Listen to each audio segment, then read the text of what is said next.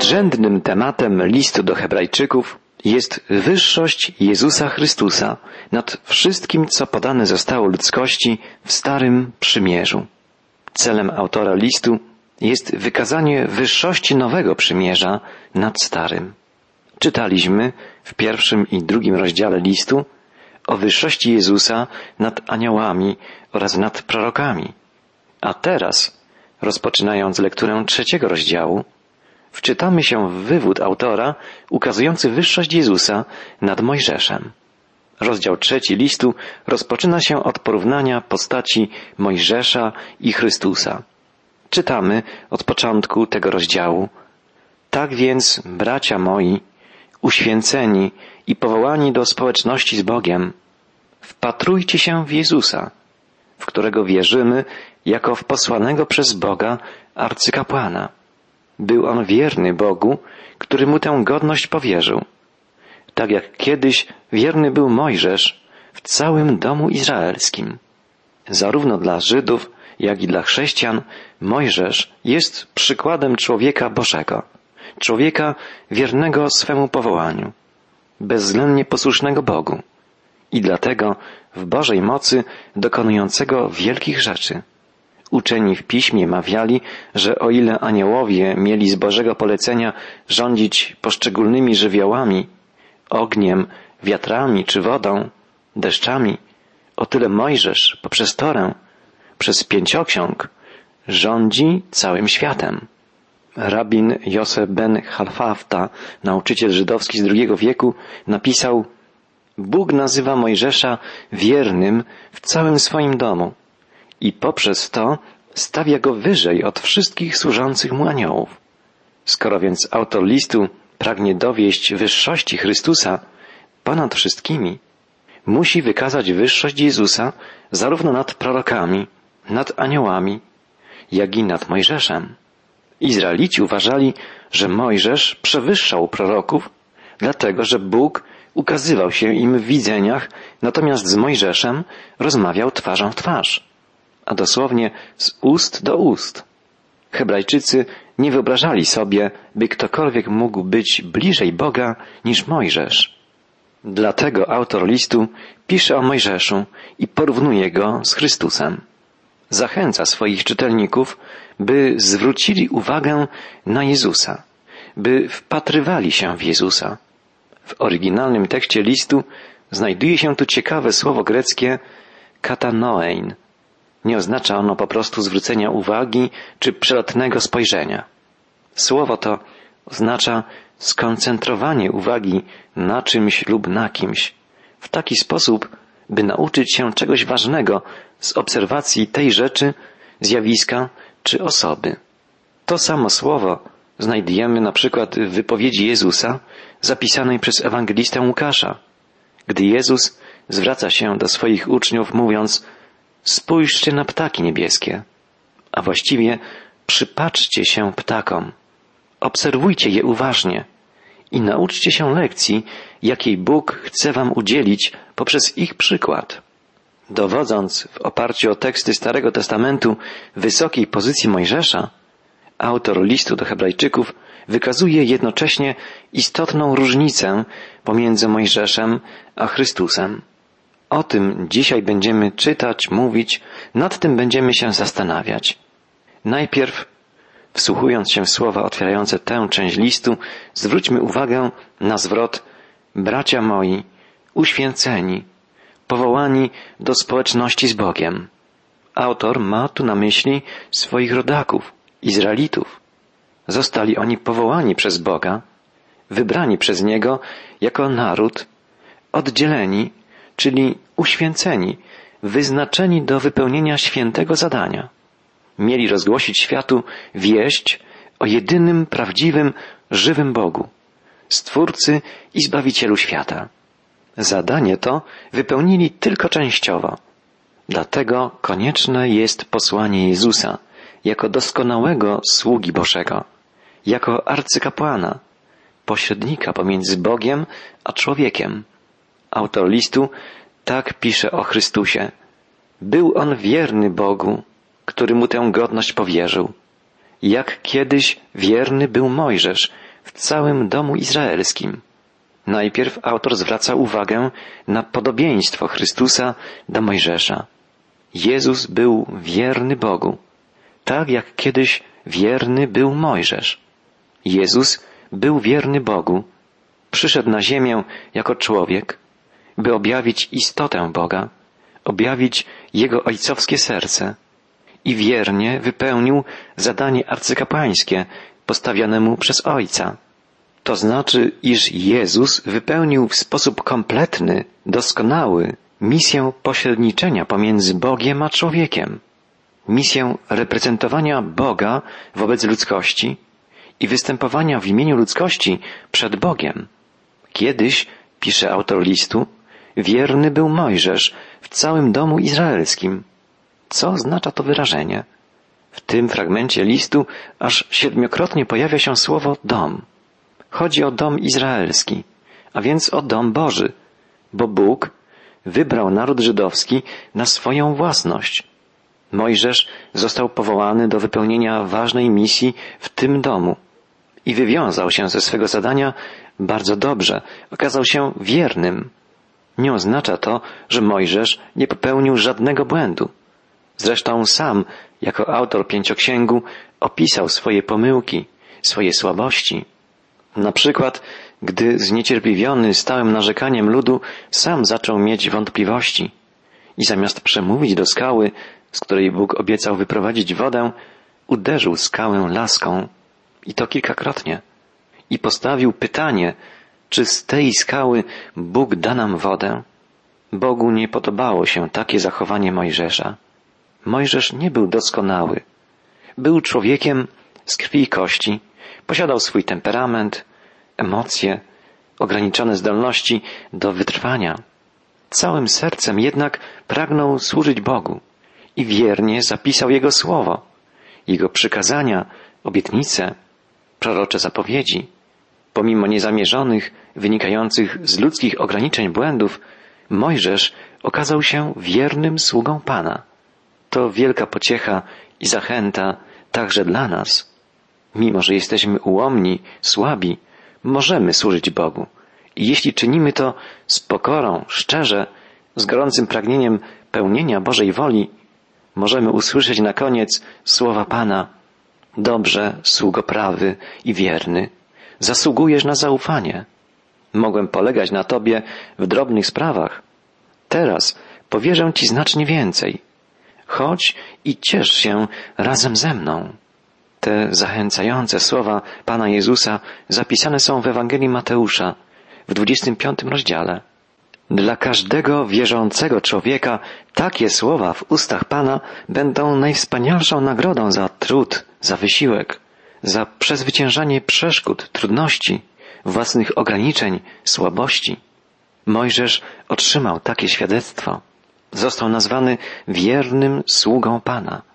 I w tym Chrystus jest podobny do Mojżesza, choć jego wierność, posłuszeństwo względem Ojca, doskonałe wypełnienie woli Boga przewyższają niepomiernie wierność, pokorę i posłuszeństwo Mojżesza. Autor listu tak o tym pisze dalej.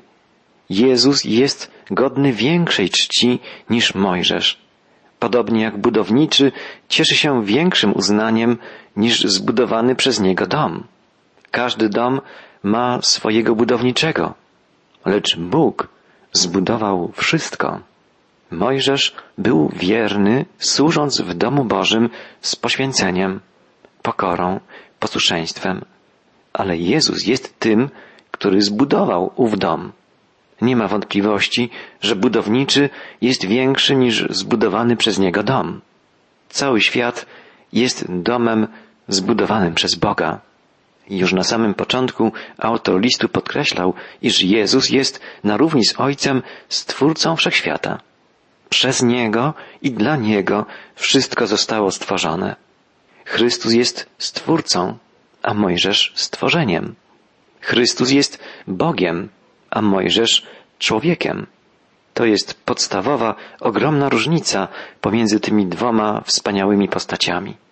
Czytamy dalej, Mojżesz jako sługa był wierny w całym domu izraelskim i zapowiadał to, co się miało wydarzyć. Chrystus zaś, jako Syn, panuje nad swoim domem, a tym domem my jesteśmy, jeżeli tylko zachowamy pewność nadziei, którą się szczycimy. Mojżesz zapowiadał to, co się miało zdarzyć, a Chrystus wykonał dzieło Boże. Uczestniczył w stworzeniu świata i w odkupieniu świata. Zapoczątkował nowe stworzenie. Autor listu ujmuje tę prawdę w przepięknym obrazie. Świat jest Bożym domem, Bożym oikos, czytamy w oryginalnym tekście listu. A to greckie słowo oznacza zarówno budynek, jak i rodzinę. Podobnie jak nasze słowo dom. Tak więc świat jest Bożym oikos, Bożym domem, a ludzie Bożą rodziną. Jezus jest stwórcą tego domu. Mojżesz tylko jego cząstką. Mojżesz nie stworzył Bożego prawa, był jedynie pośrednikiem w jego przekazaniu. Mojżesz nie był budowniczym domu. Był w nim jedynie sługą. Nie mówił o sobie jako o fundamencie domu. Wskazywał na Mesjasza, który stanie się kamieniem węgielnym. Wszystko, co mówił Mojżesz, zapowiadało większe rzeczy, których dokonał Chrystus. Po prostu Mojżesz był sługą, a Jezus Chrystus synem. Mojżesz wiedział o Bogu to, co Bóg mu objawił. Jezus zaś sam jest Bogiem i wie wszystko. Tylko Chrystus mógł powiedzieć, zanim Abraham się narodził, ja jestem. Skoro Jezus był już przed Abrahamem, był też przed Mojżeszem. Chrystus jest zawsze ten sam, wczoraj, dzisiaj i na wieki. Prorok Izajasz, zapowiadając Jego przyjście, wymienił kilka Jego imion, między nimi imię Odwieczny Ojciec, Bóg Mocny. Podał też Jego imię Emmanuel, co znaczy Bóg z nami. Jego tytuł Chrystus znaczy Mesjasz, pomazaniec pański. Natomiast imię Jezus, znane już w Starym Testamencie, pierwotnie brzmiące Jehoszua, następnie Jeszua, wreszcie w greckim brzmieniu Jezus, znaczy to imię Jahwe jest zbawieniem. To ten sam, jedyny, wieczny, żywy Bóg. Bóg, który objawia się nam jako Ojciec, Syn i Duch Święty, jako Jahwe, jako Elohim, jako Jestem, Bóg, Stwórca i Zbawiciel, obrońca, przewodnik. W liście do Hebrajczyków Jezus nazwany jest także apostolos, to znaczy apostoł. Nikt poza autorem listu do Hebrajczyków nie nazywa Jezusa w ten sposób. Nie nazywa go apostołem. Nie jest to pomyłka. Nie jest to przypadek. Po prostu natchniony autor nie nadaje tytułu apostoła nikomu z ludzi. Nadaje go jedynie Chrystusowi. Co chciał przez to podkreślić? Zastanówmy się. Słowo apostolos dosłownie oznacza tego, który został posłany.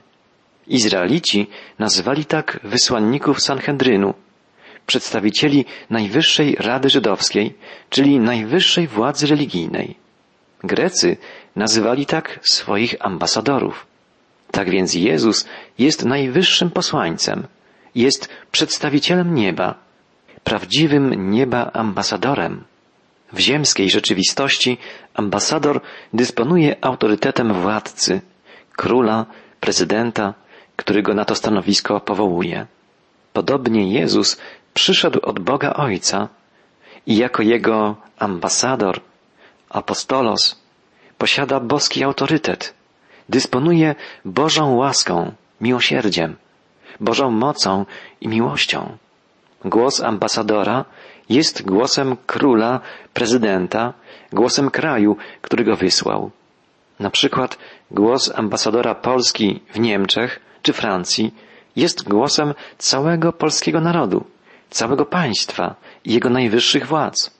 Podobnie głos Jezusa jest głosem nieba, głosem Boga. Przez niego przemawia żywy Bóg.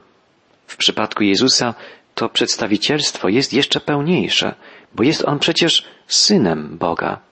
jest drugą osobą trójjednego Boga żywego.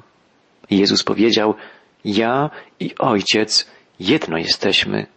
Kto mnie widzi, widzi Ojca. Niezwykły tytuł apostolos nadany Jezusowi przez autora listu do Hebrajczyków ma więc bardzo głęboką wymowę.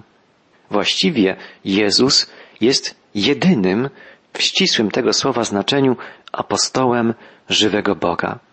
Jest jedynym w pełni autorytatywnym ambasadorem, przedstawicielem nieba. Drugi tytuł Jezusa, który zwraca uwagę w tym fragmencie listu, to tytuł arcykapłana. Tytuł ten pojawia się w liście do Hebrajczyków wiele razy. Tutaj jednak jest bardzo istotny. Autor listu wzywa Wpatrujcie się w Jezusa, w którego wierzymy jako w posłanego przez Boga arcykapłana. Kapłan to w języku łacińskim pontifex, co znaczy dosłownie budowniczy mostu. Kapłan jest osobą, która buduje most pomiędzy człowiekiem a Bogiem. Przemawia do ludzi w imieniu Boga i przychodzi przed oblicze Boga w imieniu ludzi. Jezus jest doskonałym arcykapłanem, ponieważ jest doskonałym człowiekiem i Bogiem. Może reprezentować człowieka przed Bogiem i Boga przed człowiekiem. Jest zupełnie wyjątkową, jedyną osobą, przez którą człowiek może przyjść do Boga, a Bóg do człowieka. Zauważmy na koniec, że funkcję apostoła, posłańca, Jezus wykonywał tylko przez pewien czas, gdy przybył na ziemię jako człowiek. Natomiast arcykapłaństwo sprawuje na wieki, rozdzielając pomiędzy swych braci na ziemi wszelkie potrzebne im łaski. A nade wszystko, co podkreśla list do Hebrajczyków, daje wszystkim wierzącym łaskę wytrwania w wierze. Arcykapłaństwo w swoim historycznym i duchowym sensie zostało raz na zawsze spełnione i dopełnione w osobie Jezusa Chrystusa. Jezus jest jedynym prawdziwym, rzeczywistym, wiecznym kapłanem. O tym będziemy mówić jeszcze wiele w czasie studiowania dalszych części listu. A teraz, kończąc dzisiejsze rozważania, spójrzmy jeszcze raz na postaci Mojżesza i Jezusa i zwróćmy uwagę na jeszcze jedną rzecz, która ich łączy, a jednocześnie dzieli. Zarówno Mojżesz, jak Jezus są uznawanymi przez wielu ludzi na całym świecie głosicielami wielkich systemów etycznych. Nawet ludzie nieuznający Biblii za księgę natchnioną oceniają system praw przekazanych przez Mojżesza za największy, najbardziej znaczący kodeks prawno-etyczny. Jezus wypowiadając słowa kazania na górze, odwołał się do tych praw, ale ujął je inaczej niż Mojżesz. Pogłębił je, rozszerzył, ukazał ich prawdziwy sens, ich prawdziwe znaczenie. Możemy powiedzieć, że prawo przekazane przez Mojżesza dotyczyło czynów, postępowania, Natomiast kazanie na górze, które Jezus rozpoczął słowami błogosławieni czystego serca, albowiem oni Boga oglądać będą. Odwoływało się do sumienia, do serca, ukazywało potrzebę przemiany całej osobowości, potrzebę kształtowania charakteru człowieka. Standardy etyczne, moralne w nauczaniu Jezusa są tak wysokie, że każdy szczery człowiek musi przyznać, że nie jest w stanie im sprostać. Tylko wielka, przemieniająca łaska i miłość Boża może sprawić, że będziemy postępować na miarę wezwań Jezusa. Tylko działający w nas Duch Chrystusowy może kształtować nas, nasz charakter, naszą osobowość, tak że będziemy zbliżać się do wzorca ukazanego nam w naszym Zbawicielu. Tak więc, bracia moi, uświęceni i powołani do społeczności z Bogiem, wpatrujcie się w Jezusa, w którego wierzymy jako w posłanego przez Boga arcykapłana. Był on wierny Bogu, który mu tę godność powierzył, jak kiedyś wierny był Mojżesz w całym domu izraelskim. A Jezus jest godny większej czci niż Mojżesz, podobnie jak budowniczy, cieszy się większym uznaniem niż zbudowany przez niego dom. Każdy dom ma swojego budowniczego, lecz Bóg zbudował wszystko. Mojżesz jako sługa był wierny w całym domu izraelskim i zapowiadał to, co miało się wydarzyć. Chrystus zaś jako syn panuje nad swoim domem, a tym domem my jesteśmy, jeżeli tylko zachowamy pewność nadziei, którą się szczycimy. Tylko Chrystus jest podstawą naszej nadziei i tylko w Nim jest nasze zbawienie. Poza Chrystusem i poza Jego domem, prawdziwym Kościołem, nie mamy właściwie nic. Wpatrujmy się w Niego, w naszego Zbawiciela i kroczmy przez życie pełni nadziei, gdyż On panuje nad swoim domem, a domem tym my jesteśmy.